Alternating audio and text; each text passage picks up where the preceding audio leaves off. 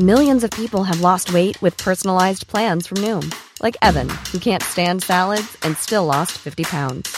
Salads, generally, for most people, are the easy button, right? For me, that wasn't an option. I never really was a salad guy. That's just not who I am. But Noom worked for me. Get your personalized plan today at Noom.com. Real Noom user compensated to provide their story. In four weeks, the typical Noom user can expect to lose one to two pounds per week. Individual results may vary. Sen är jag den första medlemmen i eh, Hall of Fame också. Jaha.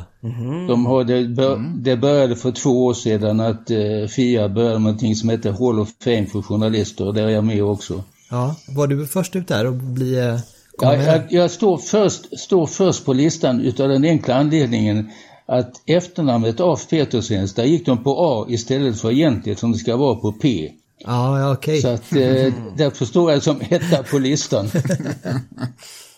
Ja, det förstås.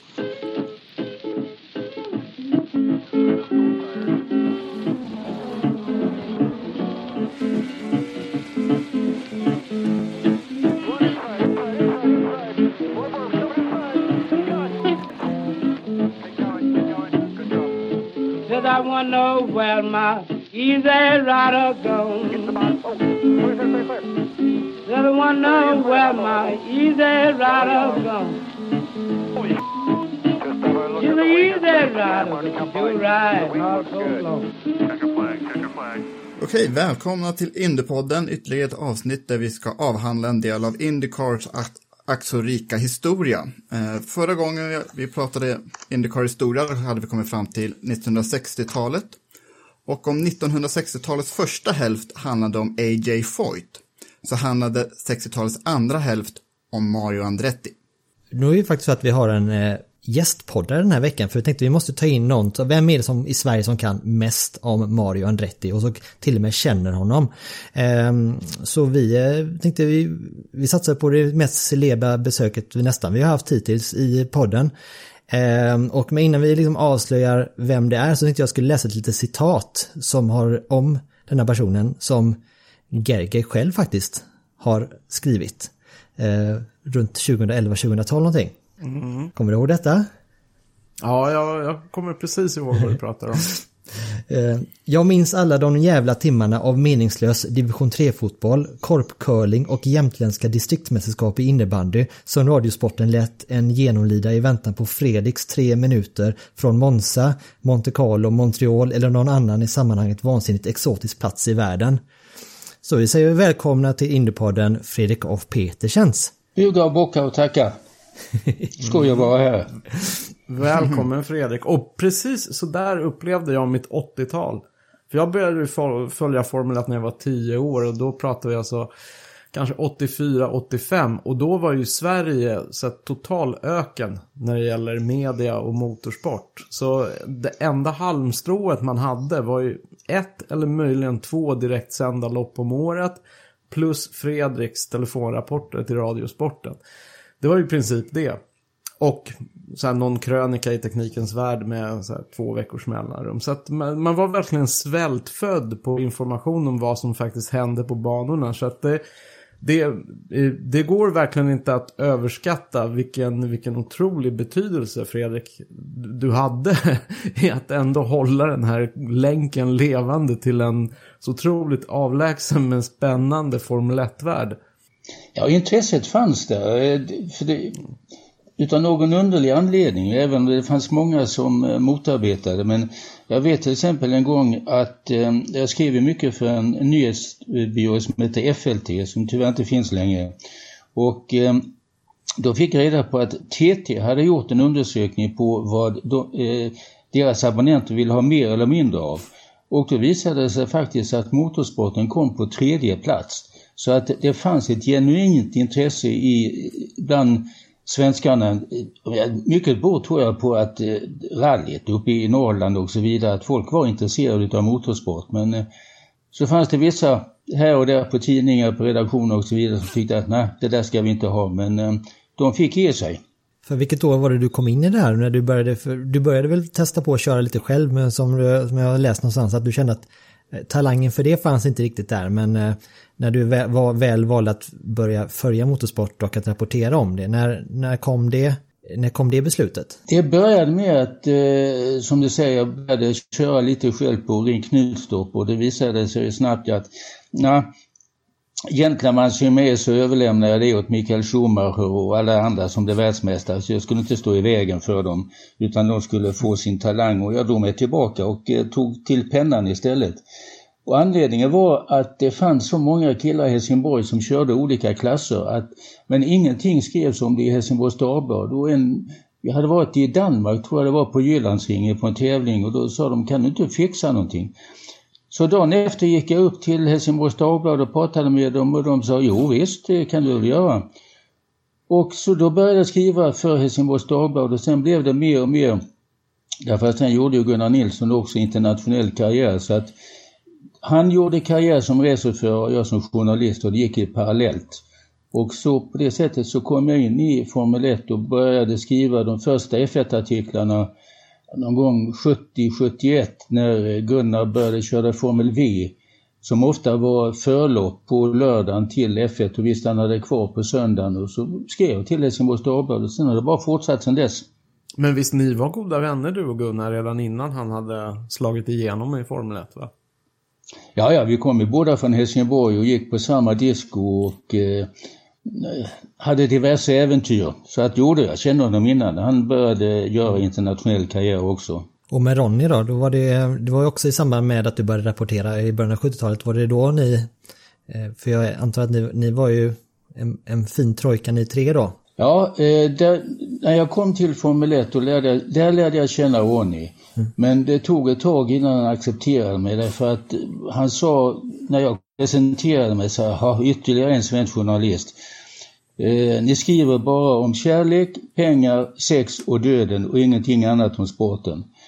Så att eh, då började han testa mig så han berättade lite grejer för mig och eh, sa men det får du inte lov att skriva. Och då var det liksom, hjärnan var ju två delar. Ska jag som journalist eller ska jag inte försöka få en vänskap?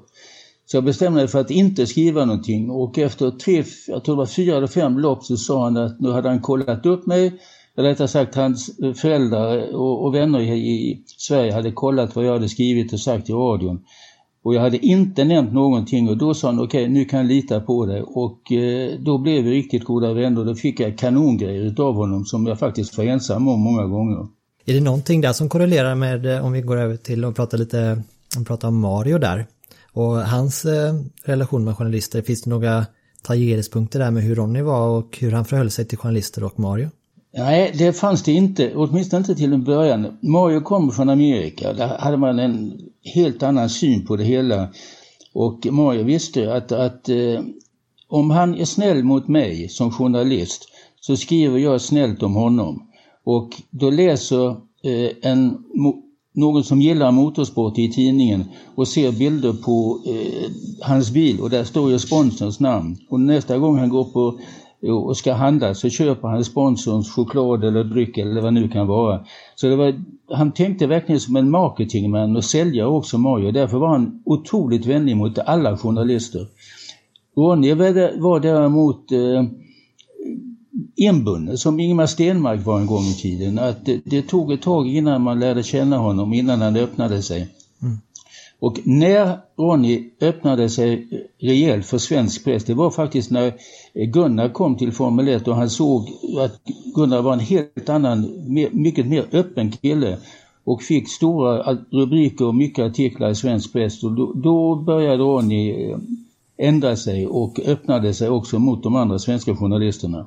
Ska vi gå igenom eh, Marius meriter lite snabbt? För det är någonting som, för, för gemene man om man säger så, som, så är det ju Mario Andretti förknippad med Formel 1 eh, som europé då. Eh, men en, upp, någonting, en uppenbarelse som kom för mig det var när jag var på Indianapolis Motor Speedways museum förra, förra året. Och de hade ju en helt egen Mario Andretti utställning där. Man fick se alla typer av serier, alla typer av bilar han hade kört eh, och mästare i stort sett alla klasser. Och det, det är en, otrolig erfarenhet eh, och alltså en diger meritlista. Han är ju ikonstatus har han ju i amerikansk motorsport.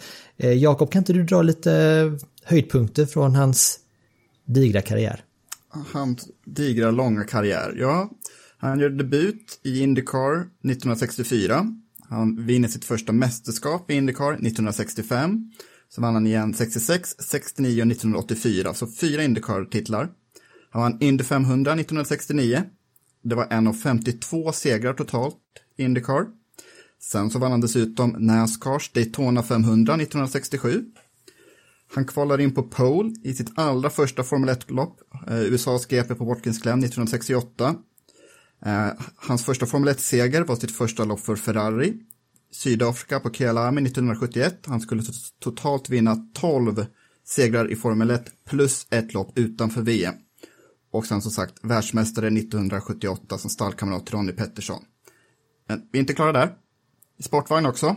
Eh, han var sportvagnsvärldsmästare med Ferrari. Också tillsammans med Ronnie Pettersson faktiskt, 1972. Det året, året vann han Sebring 12 timmars och även Daytonas sportvagnslopp. Och Sebring 12 timmars vann han totalt tre gånger, även 1967 och 1970. Han kom trea totalt på Le Mans 24 timmars 1983 och sen kom han tvåa där 1995. Alltså då var han 55 år gammal och det var faktiskt en klassseger i LMP1-klassen. Och sen dessutom så vann han Pikes Peak backtävling 1969. Det här är en meritlista som saknar motstycke i motorsporthistorien skulle jag du vilja säga. Du andades knappt under tiden du drog den där Jakob. Men alltså det finns så mycket här att, gräva i och mycket att haja till kring. Alltså bara det här att han tog sina två sista Indycar-titlar med 15 års mellanrum.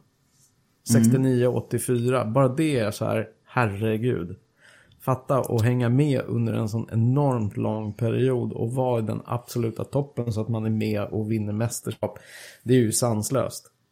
Och det är ju ändå, det är ändå tio år innan han sen kör till sig den här klassegern i Le Mans. Liksom. Mm.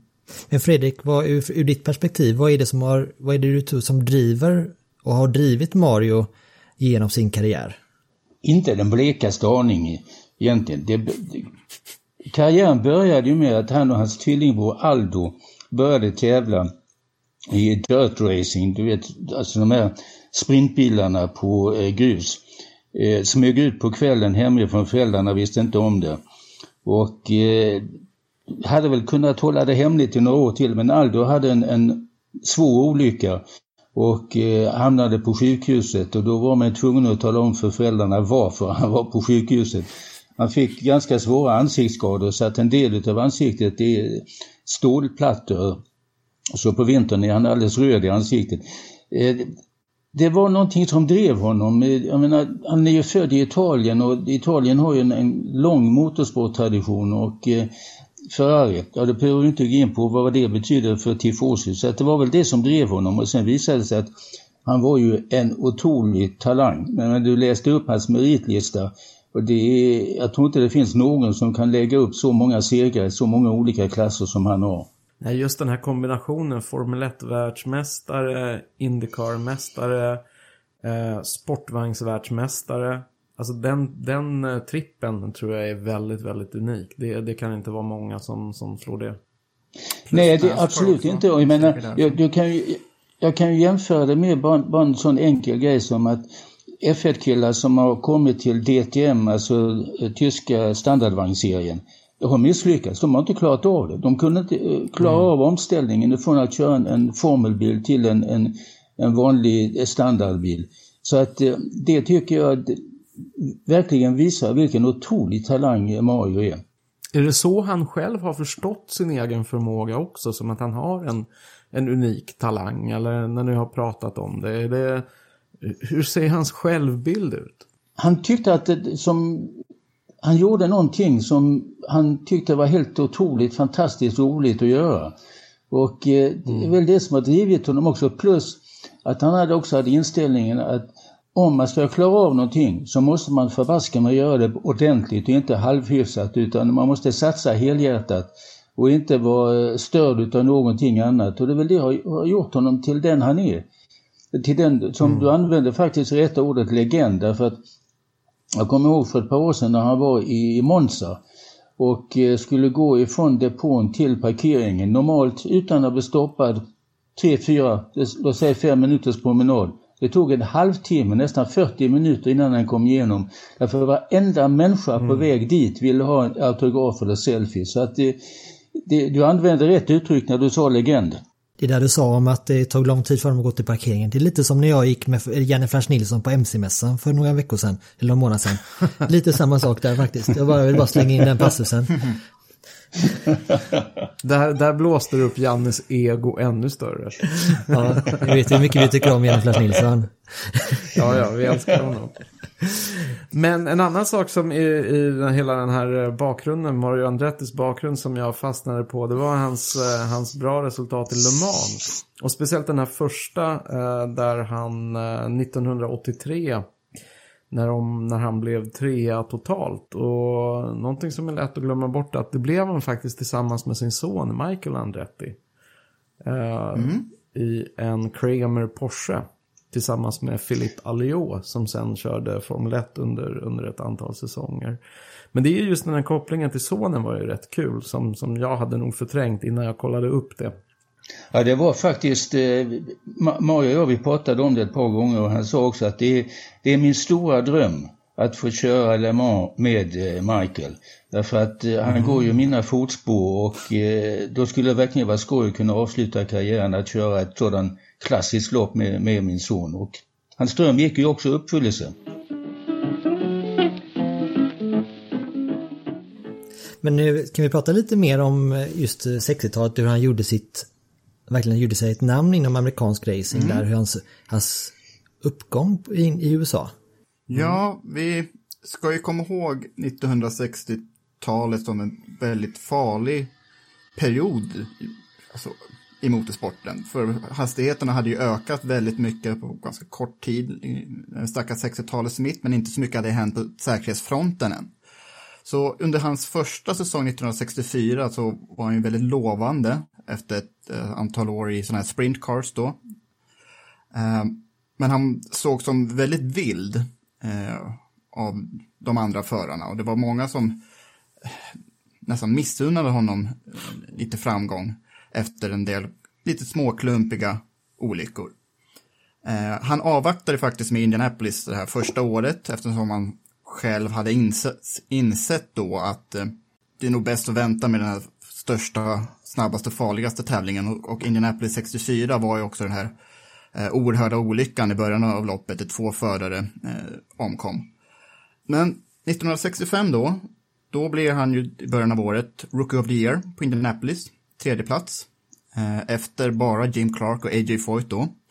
Och sen så vinner han ju faktiskt hela mästerskapet. Eh, otroligt nog, för det här var ju verkligen under A.J. Foyts eh, peak av karriären när Foyt var som allra starkast. Eh, han upprepade mästerskapet 1966. Eh, då hade han verkligen kopplat gre greppet om Foyt. Han vann 8 av 15 race. Och eh, då, 26 år gammal, då hade det redan blivit liksom USAs främste och redan vid så här unga år så var hans sikte verkligen ställt mot Formel 1. För det var ju, det var ju där drömmen om att vara racerförare började. Han hade ju fått se Millimilia, den här landsvägstävlingen på 50-talet och han hade sett eh, Italiens GP på Monza också tillsammans med brorsan Aldo. Och han drömde ju för att, att bli den, alltså bli den nya Ascari egentligen. Så jag undrar då, Fredrik, när var första gången du fick höra talas om Andretti och kommer du ihåg ditt första intryck av, av honom? Jag hade ju, kände ju till namnet i och med att man följde motorsport, även det bara inte var Formel 1 utan även vad som hände runt omkring också i Amerika. För jag menar Indycar är ju Indycar så att det, det följde man ju. Första gången jag träffade honom det var ju när han kom till Lotus och eh, mitt intryck redan från första dagen var att en ja, en jäkla schysst kille helt enkelt. Eh, mm. Vänlig, öppen, eh, hade inga problem att prata med honom och han svarade på alla frågor så det var ett mycket positivt intryck redan från första början. Men eh, sen var det ju, kan man liksom se rivaliteten mellan förare därför att Colin Chapman skrev ju kontrakt med eh, Mario och anledningen var att han ville öka försäljningen av sina Lotus sportbilar i Amerika och då skulle Mario vara det perfekta dragplåstret. Men när eh, Mario fick höra att Ronny skulle vara, komma till stallet också sa han icke, sa han icke, honom vill jag inte ha i stallet. Anledningen var helt enkelt därför att Mario kände till Ronny, även om det inte var personligen, men kände till honom som reseförare och ansåg att han var en synnerligen svår konkurrent och det ville han inte ha i samma team. Sen slutade det med att, att de enades om att, att Ronny gick med på att vara nummer två i stallet och eh, sen blev de synnerligen goda vänner. Så att eh, jag tror att mycket av Maris personlighet smittade av sig på Ronny också sakta men säkert. Vad är din, eh, din tagning på varför de blev så goda vänner? Just för att jag tänkte premissen som var där då, nu var ju de överens om hur det skulle vara och Mario var nummer ett och Ronny var nummer två. Ehm, men så att det var ju väldigt, eh, om alla de historierna stämmer, det är att de försökte ju liksom sinka Ronny många gånger liksom med in, in, att inte, att inte fick köra på kvallek till exempel och han slog Mario ändå till exempel och så här. Det var ju mycket, känns rivaliteten på banan måste ju varit enormt hög. Var, varför tror du att de blev så goda vänner trots det om man säger så? Det finns ett mycket enkelt svar på det, för jag frågade Mario en gång och då svarade han helt enkelt Ronny kan inte ljuga. Om jag frågar honom om en inställning så säger han exakt vilken inställning han har och om det fungerar eller inte fungerar. Mm. Han var 100% ärlig och det har jag, som Mario sa, har jag aldrig någonsin upplevt med en teamkamrat tidigare. Och det var anledningen till att de blev så goda vänner. Det låter ju väldigt unikt. Men om du tar ur Ronnys perspektiv då, varför eh, vänskapen ändå har ju två, eh, två sidor om man säger så, två vägar. Varför tror du eh, Ronny fastnade för Mario? Ömsesidigt. Därför att i och med att, att eh, Mario märkte att Ronny var helt öppen och ärlig, eh, då blev Mario också det. Och eh, därför blev det en vänskap helt enkelt som var en äkta vänskap. Jag menar, vi bodde ju hemma hos Mario några gånger och jag såg ju hur de umgicks, hur de pratade, eh, hur de umgicks utanför banan, eh, alltid bodde på samma hotell och så vidare. Så att det, det, det var en, en vänskap som jag skulle säga unik i Formel 1 då och ännu mer idag, för idag är det knappast någon vänskap mellan förarna, ett par undantag. Men mellan Ron, eh, Ronny och Mario och sen kom Gunnar in i bilden, det var en trio. Det, det var äkta vänskap dem emellan. Mm. Det måste ju mm. tagit, eh, måste tagit Mario otroligt hårt när han, han förlorade ju både Gunnar och, eh, och Ronny inom loppet av ett, ja, två år kan man väl säga. Vi vet ju att han inte var med på hans, eh, på någon av deras begravningar. Mario var inte med på begravningarna. Eh, vilket för vissa kanske har ifrågasatt det liksom. Men du har ju lite insikt där till, till, kring varför, eller hur? Ja, jag skulle vilja gå, eh, gå tillbaks eh, till olyckan på, på Monza. Eh, dagen innan, efter kvalet, då sitter Ronny och Mario och jag inne i Lotus husbuss. Det fanns ju inte de här palatsen som det är idag. Och eh, då tittar Mario på Ronny och säger att du, du och jag, de två sista loppen i USA och Kanada, då kör du och jag om VM. Därför jag vill inte bli ihågkommen att eh, om jag vinner VM-titeln, att jag vann den enbart för att du inte fick lov att köra om mig. Vi ger fullständigt F-N i vad Collins kontrakt säger och vad han tycker och tänker. Du och jag ska köra om VM-titeln. Det säger en hel del om vänskapen mellan de två. Att sen hände tyvärr olyckan och att sen Mario inte var med varken på Ronnys eller Gunnars begravning berodde helt enkelt på, som han sa till mig, att jag har haft många bekanta i motorsporten men jag har aldrig haft två vänner som Ronny och Gunnar. Jag klarar helt enkelt inte av att gå på deras begravning och det var det skälet och jag förstår det mer än väl därför att det, det, det uttryck, säger det igen, det, det var en vänskap som gick långt utanför att bara vara stallkamrater, för det, de var riktiga vänner, som, de var polare, de kallat vad du vill, men eh, så jag förstår Mario mer än väl att han, han kunde helt enkelt inte komma. Mm. Jag blev nästan lite rörd när du sa det, att, eh, hur samtalet var i, i trailern där. Det... Jo, men det, det förklarar också den djupa vänskapen som var mellan dem och den respekten, det är kanske det ordet jag har glömt, respekten mellan dem också. Därför att när man såg dem på banan och de låg tätt ihop och körde ihop, eh, det var respekten, jag hittade inte på några dumheter.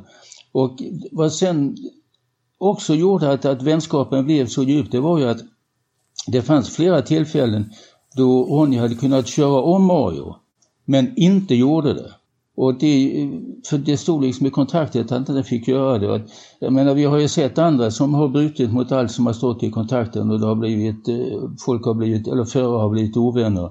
Men Ronny var som sagt en 100% ärlig kille som man kunde lita på. Och jag vet ju själv ett par gånger när eh, det var en gång när det, jag hade en, en obetald räkning och han lånade mig pengar, jag tror det var ungefär 100 pund som han lånade mig. Och sa du kan ta, betala tillbaka det någon gång när du kan. Jag betalade tillbaka det nästa gång vi träffades. Och då sa han är du säker på att du kan betala nu? Jag sa självklart. Ronny var en person att hade han väl accepterat dig som vän så var han, kunde han ge dig sin sista skjorta. Och det var likadant med Mario, det, det var samma sak där. De, de, det var två killar som hittade varandra på exakt samma våglängd och ja, därför blev de vänner helt enkelt. Mm. Det, det finns är en... lite svårt att föreställa sig den, den typen av närhet förare emellan i dagens racing. Mm. Ja, det är nästan omöjligt. De enda som jag idag vet är någorlunda vänner, det är Sebastian Vettel och Kimi Räikkönen. De andra är, mm. eh, de är konkurrenter. Man pratar snällt och vänligt om varandra, men vänner är man inte. Inte i ordets mm. rätta bemärkelse. Det finns en rolig episod om eh, Ronnys och Marios vänskap som eh, jag skulle bara vilja röra lite grann. Det är om när Ronny var och hälsade på Andretti-familjen i deras sommarställe inför en sportvagnstävling. Och Ronny frågar Michael om han får testa hans nya motocrossmaskin. Michael nu är väl tonåring. Känner du igen den här historien, Fredrik? Eh, ja. Vill, du, vill du fylla i detaljerna vad som händer när Ronny provar Michael Andrettis motocross? Ja, tar du den. Ja, Ronny är hälsar på familjen Andretti.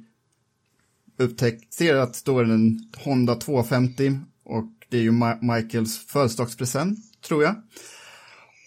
Ronny frågar, får jag testa den? Ja, visst, det är klart, kör bara, säger Michael. Och Ronny skrotar Michael Andrettis motocross. Eh, Mario tycker det är hysteriskt roligt trots att Ronny har massa skruv, skruvmärken, han ska köra ett sex timmars lopp om ett par dagar. Men det är också så väldigt familjärt som man har svårt att se egentligen någon annan relation mm. i racinghistorien. Man kanske har hört det om, om, kanske Graham Hill och Jim Clark tio år innan det här. Men Morgan Andretti och Ronnie Pettersson, det är också, det är inte, det är inte bara dem, utan det är, det är något, något unikt för motorsporthistorien också. Det här Eh, nästan generationsöverskridande vänskapen som de två hade. Mm.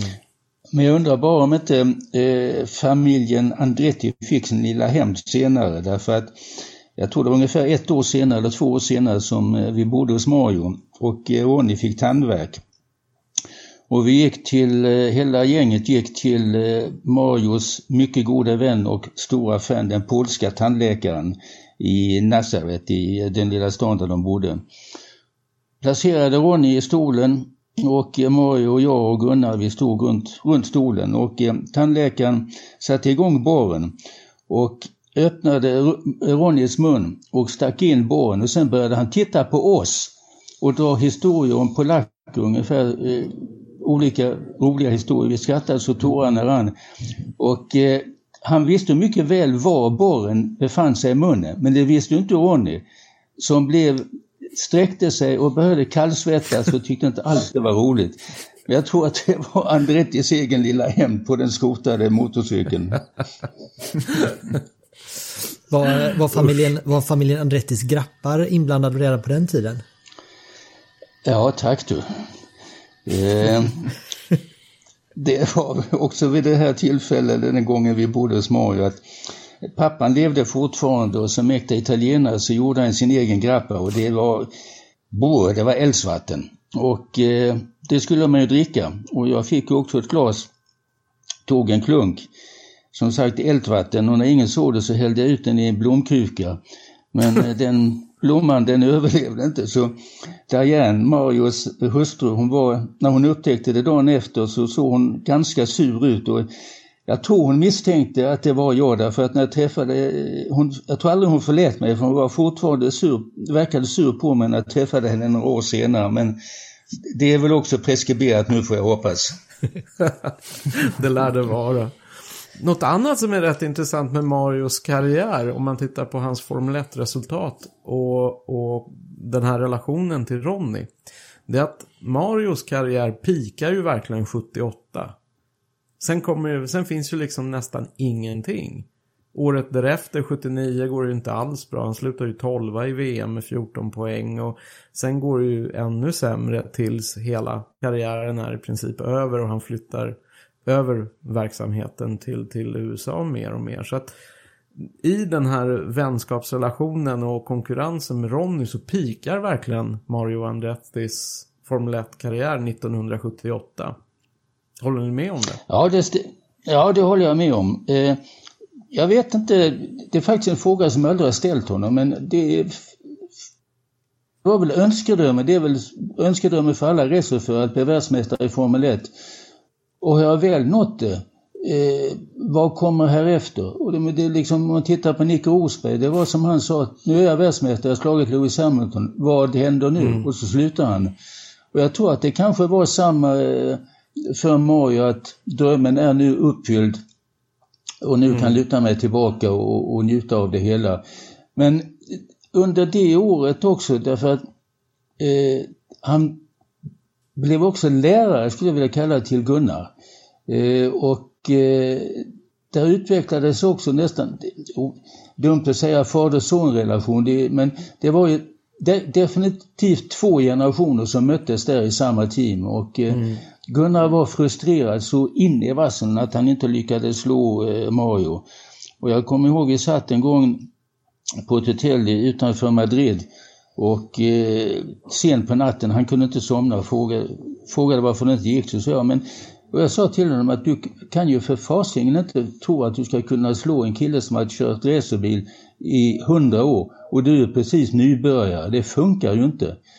Och mm. eh, då började han inse det hela och dagen efter när han sen körde träningen då var, gick det betydligt mycket bättre. Så att, eh, men det, jag håller med dig om att det pikade nog 78. Mm. Ett litet stickspår där eh, Fredrik, bara var intressant att veta det. Vad, vad anser du vara Gunnar Nilssons styrka som, som förare som gjorde honom så bra? Ja, han hade skoj helt enkelt. Han njöt utav livet.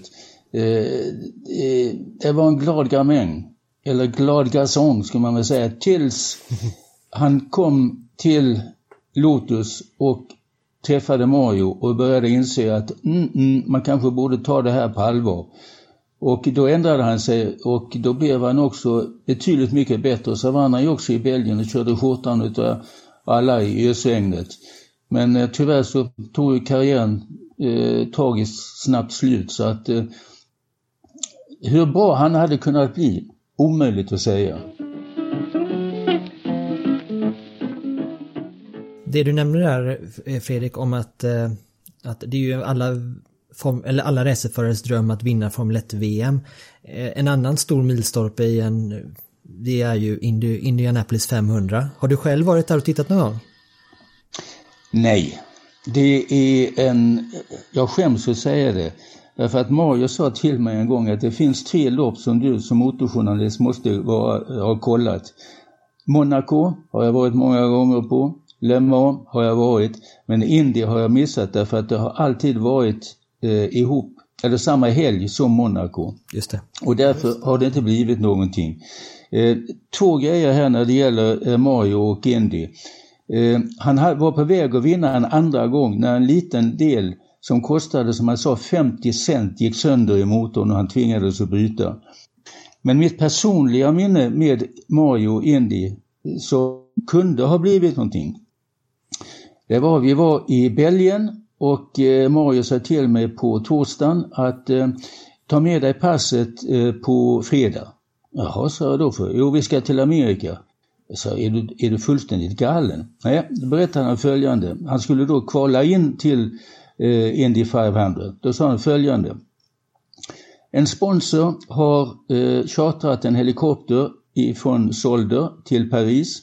Där väntar Concorden som han har hyrt enbart för mig och flyga till Washington och därifrån privatjet ner till Indy och jag ska kvala in. Och så flyger vi tillbaka samma väg igen och jag kommer på lördag morgon och kör kvalet. Allt det här går på, tack vare tidsskillnaden mellan Amerika och Europa. Det blev ingenting utav en mycket taskig anledning. Det fanns ingen ledig Concorde som kunde flyga oss tillbaka från Washington till Paris. Så att det blev ingen resa, tyvärr. Ödets nyck alltså. ja, det är värt att uh, nämna det också att även under den här tiden på 70-talet när Mario körde både Indycar och Formel 1 på heltid. Han missade Indianapolis en gång mellan 1965 och 1994 och det var 1979. Så även år när han vann Formel 1 VM 78 då, då körde han Indy 500 för Roger Penske det året. Det blev inget resultat, mm. men det också visade så mycket hur, hur, kul han tyckte att det var att köra liksom, så mycket som möjligt i allt möjligt och så fort som möjligt gärna också. Och ärligt talat ja, fortfarande när man ser honom i tv-sändningarna när han kör den här förbilen inför, inför start. Alltså han ser ju fortfarande lika sprudlande lycklig ut när han får krypa ner i den här bilen som om han vore 20. Ja, jag håller med. Jag träffade honom i Austin i, i höstas på Formel 1-loppet och det är, är samma Mario som jag lärde känna för hundra år sedan. Han är lika entusiastisk också och så otroligt stolt också över Michael och vad han har gjort. Eh, kanske en liten parentes där också när det gäller familjen Andretti. Efter Englands Grand Prix så frågade Mario mig om jag kunde sitta barnvakt åt Michael och hans kusin eh, John som skulle ta eh, licens, reselicens hos Teddy Pillets reseskola i, i Belgien. Och mm. så sa han, Fredrik, please, please gör det, för jag litar inte på de där två, de kommer bara ställa till med trubbel hela tiden. Så jag ställde upp och eh, Maja hade rätt. Jag fick koll, det var, jag var en sträng lärare som såg till att de kom i säng och inte var ute och hoppade på nätterna, även om de inte var så gamla, men man vet ju aldrig. De fick licensen så småningom och sen kom Mario och vi fortsatte till eh, Nürburgring för nästa Grand Prix. Mm. Ja, vad kul. Vilket får mig att tänka på, tänka på en, en ganska speciell fas i eh, Mario, eller i Andretti-familjens eh, långa karriär, nämligen 1993. När sonen Michael kom till Formel 1 för en, för en säsong som inte riktigt blev vad många hade hoppats på. För han kom väl som regerande Indycar mästare om jag minns rätt. Och, och ja, det gick helt enkelt inte särskilt bra hos McLaren. Hur inblandad var Mario, pappa Mario, i, i den säsongen som, som Michael hade hos McLaren? Ja, det var inte så mycket. Eh, det var, hela var ett misstag egentligen. Eh, vi, vi var alla otroligt förvånade när, när Michael fick kontraktet. Därför att eh, Senna var ju, Ayrton Senna var ju i teamet samtidigt och det var ju ja, stallets stora stjärna. Mike fick inte han fick inte träna, han fick inte testa, han fick inte göra någonting utan han bara flög in till tävlingen och sen flög han hem igen. Mm. Och eh, teamet var, skulle jag vilja säga, förbaskat taskig mot honom. Och eh, sen hade han hans dåvarande hustru, eh, ja, det var väl inte precis en, en eh, särskilt lyckat därför att hon uppträdde ungefär som man gjorde i, i Amerika på Indycar-tävlingarna att, att hon trodde att hon skulle kunna få sitta på en stol i, ute vid depåmuren och dirigera hur saker och ting skulle gå till. Så att, eh, och hon vantrivdes i Amerika, ville, eller Europa, ville bara hem till Amerika hela tiden. Så att det var fullständigt misslyckande. Jag är övertygad om att hade Michael kommit till Formel 1 eh, i ett annat stall så hade det blivit en helt annan historia. Då är jag övertygad om att det hade kunnat gå riktigt bra. Mm. Världsmästare, mm. omöjligt att säga, men definitivt en vinnare.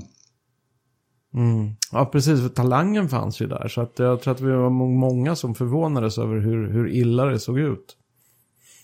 Ja, men han blev alltså synnerligen dåligt behandlad av McLaren. Mm. Det, det står jag för. Det, Och det är jag inte ensam om utan eh, nej, det, det, nej, det, det, så får det inte gå till. Antingen tar man en förare och ger honom chansen att vinna eller så struntar man i det.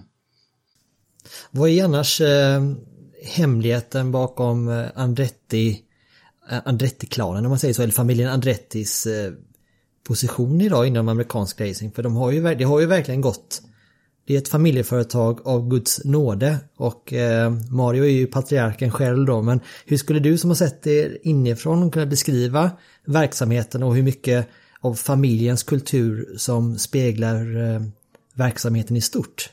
Ja, Mike har ju tagit över allting. Mario har mer eller mindre pensionerats. Han har en vingård i Kalifornien som han sköter och har lite andra PR-uppdrag och så vidare. Men hela racingverksamheten, den har ju Michael tagit över och eh, han är ju med överallt. Eh, han är Indy som vi vet, han är med i Formel E, han är med i den här nya serien som ska introduceras nästa år, men man ska köra med, med eh, SUVs i sex olika lopp. Där är han också med. Så att, eh, och sen är det inte bara Indycar utan sen är han ju med i klasserna under Indycar också. Så att eh, han har ju byggt upp ett helt litet imperium som eh, Mario började och så har Michael, Michael har fortsatt med och byggt ut ytterligare. Så att det är som du säger, det är ett imperium. Och ett väl respekterat imperium också. Det är inte bara att, att sitta här och tjäna pengar utan eh, det är, han sköter det på ett synnerligen bra sätt. Det är rätt häftigt att tänka sig att hela, hela upphovet till det här imperiet började med Marios tävlingsresultat på 60-talet, eller hur Jakob? För att ta upp alltså, den historiska tråden. Ja, han körde ju allting. Om man säger bara 1969 så körde han ju han körde sportvagn för Ferrari, han körde Nascar-lopp, han körde Indycar, vann Indy 500 det året mästare. Men du ska man ju komma ihåg att Indycar på den tiden, det var ju både på asfalt sen på dirt tracks med gammaldags frontmotoriserade bilar. Sen körde han i Can-Am, den här sportvagnsserien i Amerika. Och så körde han en del av för eh, Lotus i F1, inklusive den här konstiga fyrhjulsdrivna bilen. Eh, som hade sina rötter i en, i en eh, Indycar-bil som var meningen att köra på Indy 500 det året. Men den bilen kraschade han, eh, en av hans värsta krascher i karriären, han blev ganska eh, illa brandskadad i ansiktet efter, det, efter den kraschen. Men då tog de Lotus drog sig ur Indianapolis, kom aldrig tillbaka dit. Då tog Andretti och hans folk fram reservbilen, en två år gammal Hawk. Eh, kvalade in den som tvåa och sen så vann han hela loppet. Han har kommenterat att det var det enklaste loppet i sitt liv eftersom det var enda gången efter den här olyckan som allting verkligen gick rätt för honom på Indianapolis. På Indianapolis finns ju den här Andretti Curse.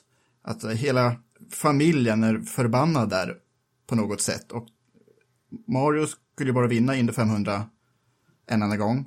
Michael vann aldrig, trots att han led, har lett fler, fler, fler varv än nästan alla någonsin.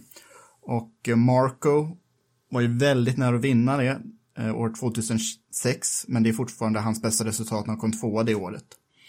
Eh, så jag fråga dig Fredrik, eh, det här Andretti Curse, var det någonting ni hörde talas om i Europa då på 70 80-talet? Nej, det var det inte. Du får lägga till kusinen John också som körde eh, Indycar för när Michael start, eh, slutade, hade sitt eget team. Nej, det, det, nej, det pratade man aldrig om faktiskt. Jag, tog, jag har aldrig pratat med någon om det och jag har inte, vet ingen som pratade om det faktiskt.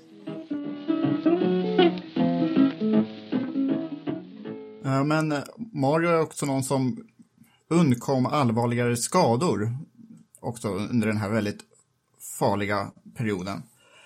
Eh, han bröt armen en gång på 80-talet, men även om trots att han körde så här väldigt många olika sorters bilar, väldigt många olika sorters lopp, så eh, han undkom skador också på, på ett eh, otroligt sätt. Det är ju en väldigt intressant eh, förändring då, med den insikten att han under sin tidiga karriär sågs som eh, lite vild av sig. Fredrik, eh, har du har du någon uppfattning av känt varför eller på vilket sätt han förändrades eh, som förare eller inställningen till racing med, med åren eller var det bara en erfarenhetsfråga? jag tror det var en kombination utav dels vad du säger att, att erfarenheten visade sig vad man kunde och inte göra. Och eh, sen tror jag också att eh, Aldos olycka spelade en viss roll eh, när han såg hur illa skadad hans bror blev. Att man kanske skulle ta lugna ner sig lite grann och tänka på när man kör. Jag menar det finns ju gammal ordspråk som, i motorsport som säger att när visiret åker ner kopplas hjärnan av. I, i Marios fall var det väl också så i början, men jag tror senare att, att det är snarare så att, att hjärnan den var påkopplad hela tiden och han lärde sig, och det tror jag också man ser den stora talangen som han var, att han lärde sig att köra på gränsen hela tiden men utan att gå över den. Snudda vid den, köra på den, men aldrig den där metern på andra sidan gränsen. Och det, det är väl det han lärde sig under åren som gjorde honom till den fantastiska förare han var. Och som ni säger också att eh, inga större och svårare olyckor. Kan det ha varit en av anledningarna till att 78 som sagt att han var han ville egentligen inte ha Ronny i teamet så men som du säger att Mario var duktig på att köra på gränsen. Ronny var ju, hade var ju en fena på att köra på och lite över gränsen och ändå liksom hantera det. Kan det ha varit en av anledningarna till att Ronny var så snabb och att kanske Mario fruktade honom så på så sätt? Ja, utan tvekan. Eh, jag menar, alla som sysslade med motorsport visste ju vem Ronny var och hur bra han var. Och jag menar, Jackie Stewart sa ju att det är min kronprins, det är inte snack om annat. Eh, hans körstil var ju... Folk jublade när han kom genom kurvorna med brett uppställ, brett uppställ och, och ändå var snabb som ögat. Och som du sa tidigare, att även om, om Colin Chapman försökte stoppa honom många gånger var han ändå minst lika snabb, ibland snabbare än, än Mario. Så att eh, det, det, ja, det var spektakel, det var en, en syn för gudar att se de två när de körde med och mot varandra.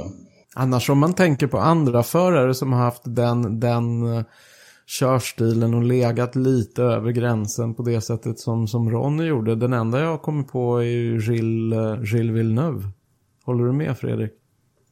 Ja, det, det stämmer. Det håller jag med dig om. Och det eh, fick också ett tragiskt slut, men det var ju en helt annan anledning. Det var inte på grund mm. av hans körstil, utan det var någonting annat. Men det håller fullständigt med dig om att eh, de två påminner mycket, mycket om varandra när det gäller körstilen.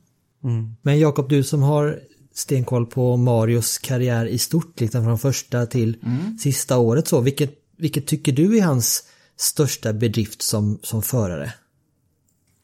nästan, nu har vi snackat om förare som kört på sladd, men av alla de här så är Mario Andretti den enda som har växt upp med att köra på sladd och sen vinna Formel 1-VM. För han växte ju upp med mm. sprint cars på dirt tracks och valbanor där man kör på sladd varvet runt. Men jag tror att det lärde honom att eh, man måste köra med finess alltid.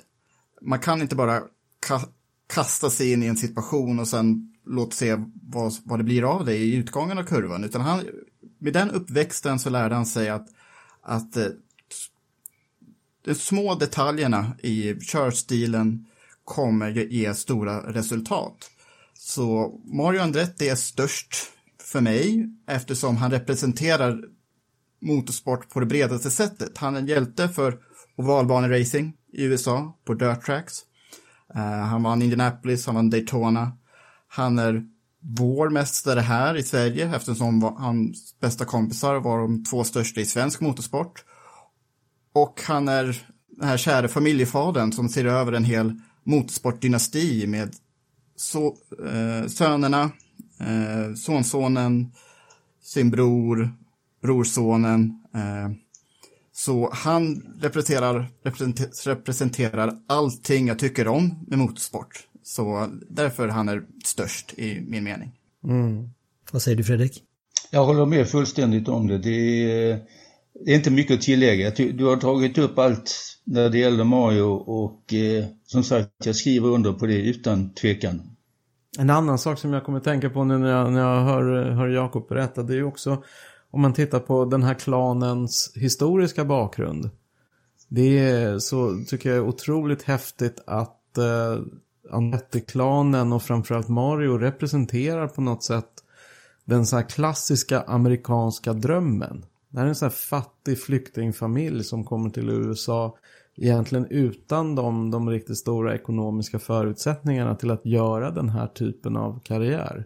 Utan verkligen börjar på botten i ett helt nytt land och bygger upp hela den här karriären och hela den här affärsdynastin över decennier till något så enormt framgångsrikt.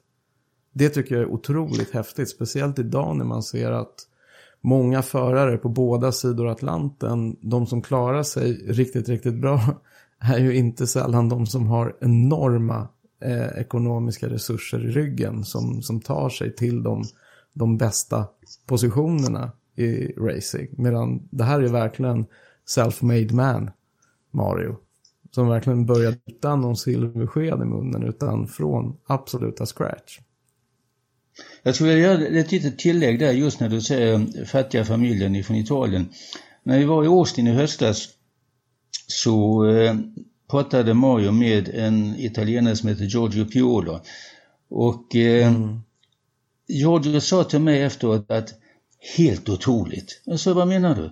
Hans italienska, den är ju underbar. Det är den gamla fina italienska mm. språket istället för dagens slang. Han sa att det är en, ett, ett under att lyssna på det. det. Det är ett vackert språk. Där hör man äntligen, som Giorgio sa, det gamla original vackra italienska, poetiska, lyriska. Han blev själv lyrisk, språket. Och det ligger lite grann i som du säger att, att mm.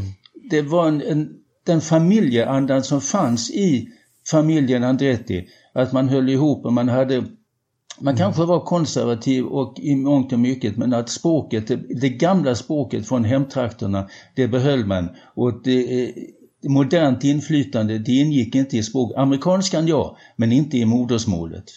Nej, nej. Det var häftigt. Det var faktiskt en av de grejerna jag tänkte fråga dig om han har behållit italienska, men det har han uppenbarligen.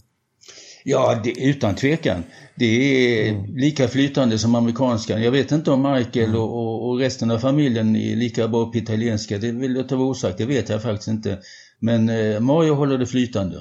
Vad sa du Jag undrar inte om Mario allra längst inne känner som italienare istället för amerikan. Jag vet inte riktigt. Ibland tvivlar jag. tror att han är mer italienare än amerikanare. Tänkte lite efter Marios eh, Formel 1-karriär. Eh, som du säger Gergej så var det ju, alltså om man pikade 78 så vann han ju ändå Indycar-mästerskapet 84. Jo, hur, hur skilde sig Indycar från, i den perioden i Marios karriär jämfört med den han lämnade då eh, under 70-talet? Han lämnade aldrig riktigt, utan körde ju fortfarande ganska sporadiskt. Under första hälften av hans Formel 1-karriär så blir det ju Formel 1 på deltid. Eh, eftersom Indycar var mer pengar där, faktiskt. Eh, men sen satsar på Formel 1 i ett gäng år, det går ju väldigt bra. Och sen när Lotus gick ju ganska brant neråt efter världsmästerskapet. Sen så skrev man på att köra för Alfa Romeo. Mer italienare än, än amerikan kan man ju tänka där. Alfa Romeo var ju inte det bästa Formel 1-stallet då i början av 80-talet. Så eh, jag tror att det Indycar som han började satsa på heltid igen från 1982 och framåt, det har nog är mycket inspirerat av honom själv. För det Indycar på 60-talet var ju hur amerikanskt som helst, då körde man på dirt tracks fortfarande. På 80-talet så hade, var halva säsongen på road courses, man körde på Long Beach som man hade vunnit Formel 1 på till och med. Eh, så det var väldigt mycket mer inspirerat av Formel 1 på 80-talet. Och sen så hade han ju också, han hade ju investerat sin eh, familj där, för Michael gjorde debut mitten av 80-talet någon gång. John Andretti började också köra i slutet av 80-talet. Eh, så han hade ju mycket eh, goda anledningar att eh, fortsätta köra eftersom han, som Fredrik sa då, att drömmen var ju att köra jämsides med eh, sin son Michael och sen son, andra yngre sonen Jeff körde också Indycar ett tag. Eh, Mario fortsätter vinna lopp 80-talet ut och sen hans sista seger kom i Indycar då, kom 1993 och sen så la han Indycar-hjälmen på hyllan 1994. Men sen så körde han lite sportvagn då och då efteråt. Hans sista Le Mans 24 timmar kom så sent som år 2000. Eh, hur många år snackar vi då han har varit aktiv? Ungefär 40. Och det är ju få som få som kan stol- stoltsera med det till och med. Och nu har inte jag kollat upp det här, men jag kan tänka mig att han är en av de, en av de yngre Indycar-mästarna. Och han är en av de äldre Indycar-mästarna också. Så någonstans där säger också en hel del om honom. Ja, jag tror också att, att om vi tittar på karriären efter eh, 78, och vi sa att han, den pikade då och sen gick det neråt, men sen gick den ju uppåt, uppåt igen ju. Och jag har en känsla av, jag för mig jag frågade Mario en gång om varför han fortsatte. Och då sa han att, om jag minns rätt, jag tyckte att nej, jag måste ju lära eh, ynglingarna att köra racerbil. Eh, Jag tycker fortfarande det är skoj och jag kan. Nej, de ska inte, nej, nej, jag ska vara med ett par år till. Jag ska förbaska mig se till att, eh, se till att sätta dem på plats och inte tro att att den gamle gubben inte kan köra längre. Och jag tror att det inspirerade honom, att då njöt han eh, av att köra racerbil. Inte behövt, han tvingades inte att behöva vinna, utan det var njutningen av att köra racerbil och slå de nya, nya generationer som var på väg upp. Att sen några av dem skulle bli mästare i olika klasser.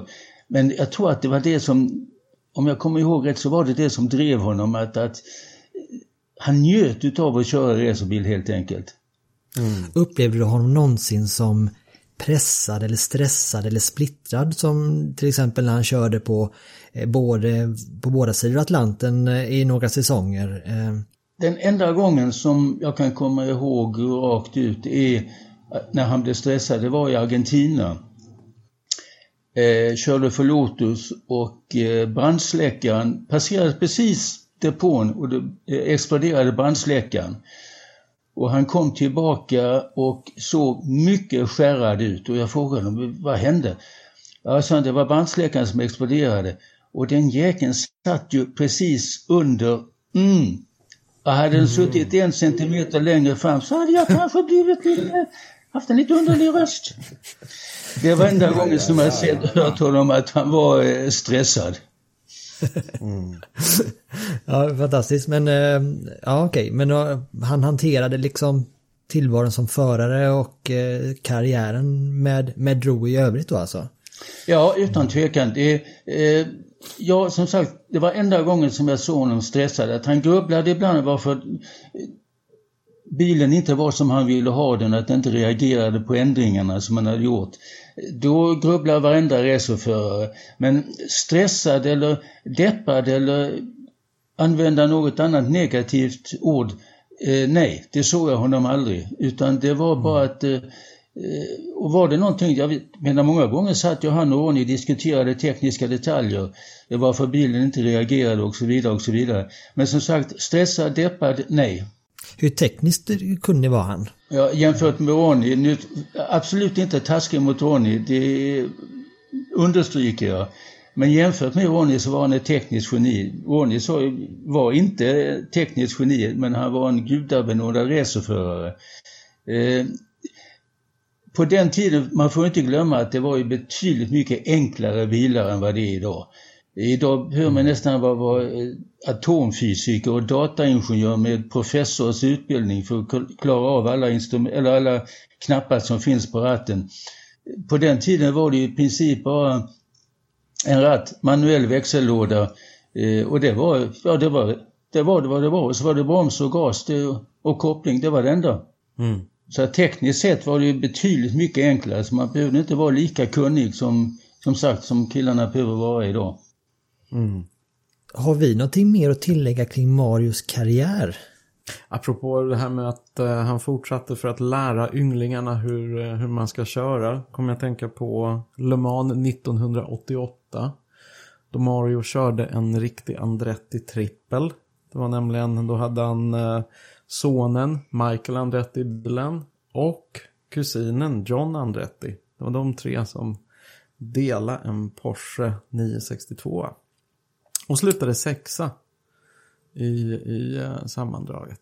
Det är rätt häftigt att ha en, eh, ha en familjetrippel i Le Mans som dessutom slutar topp 10. Är det någonting du tycker att vi har missat, Fredrik? Ja, eh, nej missat vill jag inte säga men eh, jag tycker det är värt att, att ta upp också Mario och eh, Gunnar. Eh, som sagt, som jag sa innan, inte precis fader och son men, men eh, lärare och elev. Och eh, när vi körde på Anderstorp, inte vi inte körde, utan när de körde på Anderstorp, när Mario kom till Helsingborg. Eh, och det fanns ju på den tiden, finns fortfarande färjorna mellan Helsingborg och Helsingör. På den tiden var spriten skattefri. Och Mario var inte precis den som drack eh, mycket sprit men eh, vi övertalade honom att han måste ju äta sill och ta en nubbe och en eh, öl till det. Och det gjorde han och effekten blev ju också därefter. Så att eh, det, det var också, jag menar, sådana grejer som att vi bodde, till exempel när jag var Silver, eller Brian Satchel i Silverstone så bodde vi, Ronny, eller så Gunnar, Mario och jag i Gunnars lägenhet. Jag sov i hallen precis innanför ytterdörren. Eh, Mario på soffan inne i vardagsrummet och, och Gunnar på sängen. Och, eller i sängen. Och det är liksom vissa eh, vänskapen som var härskade i det. Och likadant när vi på väg upp till Anderstorp och vi Mario var i Helsingborg, då bodde han hemma hos Gunnar. Inte var inte snack om att bo på hotell utan, utan nej, du, du bor hemma hos mig. Och det, det fungerade på ett alldeles ypperligt sätt. Jag menar, jag kan dra många historier, inte alla för det finns många som eh, lever fortfarande som kanske skulle bli sura om jag berättade dem, men det kommer någon annan gång. Men det var ett förhållande, jag upprepar återigen, ett förhållande som eh, helt otroligt egentligen. Mm. Och det, det, sen när Gunnar blev sjuk och cancern diagnostiserades och han kom på sjukhuset. Eh, jag och Danny Sullivan som också var en god vän till Gunnar och vi höll ju ständig kontakt med Mario Mario ringde stup i kvarten, kanske nästan var och varannan dag för att höra hur, hur Gunnar mådde och hur eh, behandlingen och det blev positivt eller negativt och så vidare.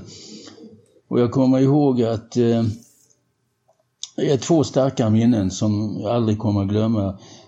Efter Ronnys bortgång i, i Milano så kom Mario eh, med bil till sjukhuset och alla eh, fotografer stormade honom. Och eh, jag stod på trappan och sprang mot bilen och hoppade in och sa kör härifrån direkt. Och han sa vadå? Ja men jag hälsar på Ronny. Och då förstod han visste inte att Ronny hade gått bort så att jag sa Mm. Kör bara. Han hade en chaufför. Kör, försvinn härifrån. Det, du måste. Så vi körde till en parkeringsplats och då var, eh, där berättade att, att Ronny hade gått bort och eh, det blev bara tyst. Han sa ingenting i 5-10 minuter. Vi, vi bara satt där.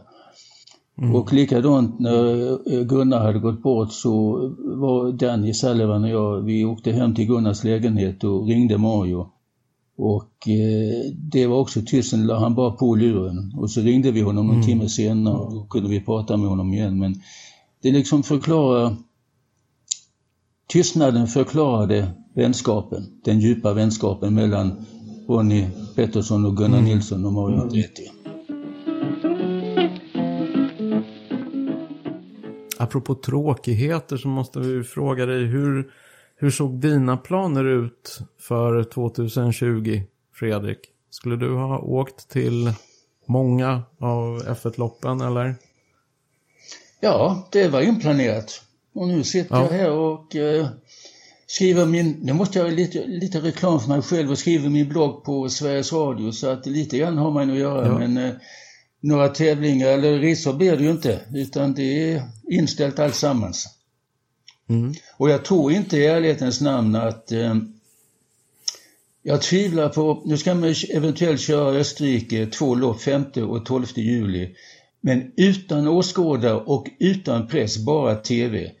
Sen ska mm. Silverstone försöka göra likadant och jag tvivlar på att eh, man kommer att köra för publik den här säsongen. Kanske de två sista loppen som eventuellt blir Bahrain och Abu Dhabi. Men det återstår att se. Mycket kan tyvärr hända innan dess. Mm. Både positivt och negativt. Det är ju samma osäkerhet som, eh, som är i Indycar just nu också när vi har Marcus och Felix eh, som kör eh, Tittar du på simracing nu för tiden, Fredrik?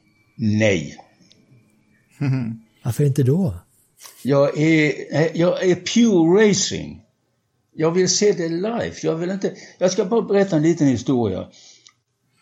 För många herrans år sedan, så är det inte så många år sedan, skaffade McLaren en ny simulator. Och eh, den ville eh, eh, Mika Häkkinen testa, så de sa visst kom hit bara. Och den reagerade på allting, på inställningar och, och på gas och broms och, och sladdar och allt möjligt. Och eh, då tänkte han att jag ska krocka, jag ska köra in i muren och se hur det känns. Så han körde rakt in i muren. Men vad han glömde var som sagt att simulatorn reagerade på allting. Och mot alla regler så släppte han inte ratten och höll på att bryta bägge eh, eh, handlederna när ratten slog runt. Eh, mm. Det var som en, någon annan kollega berättade också som sa att, att det är ju inte racing, det är ju, de sitter framför en skärm och, och gasar och bromsar. Nej, nej, nej det hoppar jag över. Jag vill ha ordentlig levande racing med ljudet, med, man hör dem växla och så vidare och tvärbromsa och när de, nej, det ska vara live, annars kan det vara. Mm. Vad tycker du annars om, hur, hur har din eh, eh Eh, känsla för Indycar förändrats nu sedan vi har svenskar i den serien? Intresset har ju definitivt ökat. Jag har alltid följt det men, men inte så noga som jag gör nu. Eh, man har ju liksom kollat resultat och, och, läst artiklar och så vidare. För jag känner ju några journalister som, som är i Amerika som bara skriver Indy. Så att, eh, men nu med, med Felix och Marcus, självklart har det ökat. Vad tror du om det nu då när de är ett så pass bra team och när det väl säsongen kommer igång om det blir senare i år eller om det blir eh, ännu senare. Men eh, vad, vad, tror du om, om deras chanser i, i serien framöver? Jag tror att eh, Felix har de större chanserna utav de två. Och det beror helt enkelt på en enkel sak, det är att Marcus kommer till ett helt nytt team igen. Eh, nya killar som man ska arbeta ihop med, en ny bil som kanske kräver en liten annan körstil än den han körde förra året. Han måste anpassa sig till eh, bilen och bilen måste anpassa sig till hans körstil. Innan han hittar den här kompromissen och hur teamet arbetar, vem som säger vad och vem tycker si, eh, då tar det alltid lite tid. Det tar några lopp, fyra, fem, sex lopp innan man vänjer sig vid allting. Så att ur den synpunkten så har Felix en liten eh, förhand, eller lite bättre förutsättningar. Men fortsätter bägge i samma team nästa år, då vet jag katten, då blir det nog 50-50. Fredrik af Petersens, du har, du är med, du har en permanent pressakkreditering i Formel 1, eh, i Formel 1. Du är med i Formel 1 och Hall of Fame för journalister och nu är du också med i Indupoddens Hall of Fame, bara så att du vet. Mm. Ja, det, det, det, mina drömmar är uppfyllda. Nu kan jag ta mig tillbaka. Jag menar, eh, nu finns det inte fler mål för mig. Jo, det finns, finns, det finns ett mål till och det är att du läser upp det du sa i början om mig, för det var ord, oh, det var, det var Lisa för mina öron att lyssna på det. Ska Gerge läsa upp det själv? Har du det hos dig? Nej, jag har inte det Ronny. Nej, ja, det okay. var så länge sedan jag skrev det. Det är ju säkert tio år sedan nu, så jag har inte det tyvärr. Ja, men då, då läser jag upp det ändå. Och så tycker mm. jag, tackar vi Fredrik för att du var med oss. Eh, och vi är jättetacksamma för att du ställde upp på det här. Det var ett stort Verkligen. nöje. Jag tackar själv för att jag fick vara med. Tack så mycket Fredrik. Jag minns alla de där jävla timmarna av meningslös division 3-fotboll, korpcurling och jämtländska distriktsmästerskap i innebandy som in Radiosporten lät den genomlida i väntan på Fredriks tre minuter från Monza, Monte Carlo, Montreal eller någon annan i sammanhanget vansinnigt exotisk plats i världen. Precis så var det. Tack Fredrik. Tack, Tack Fredrik. Hej. Hej, hej. Said I wanna know where my easy rider gone. Know where my easy rider gone. She's an easy rider, but she do ride hard so long.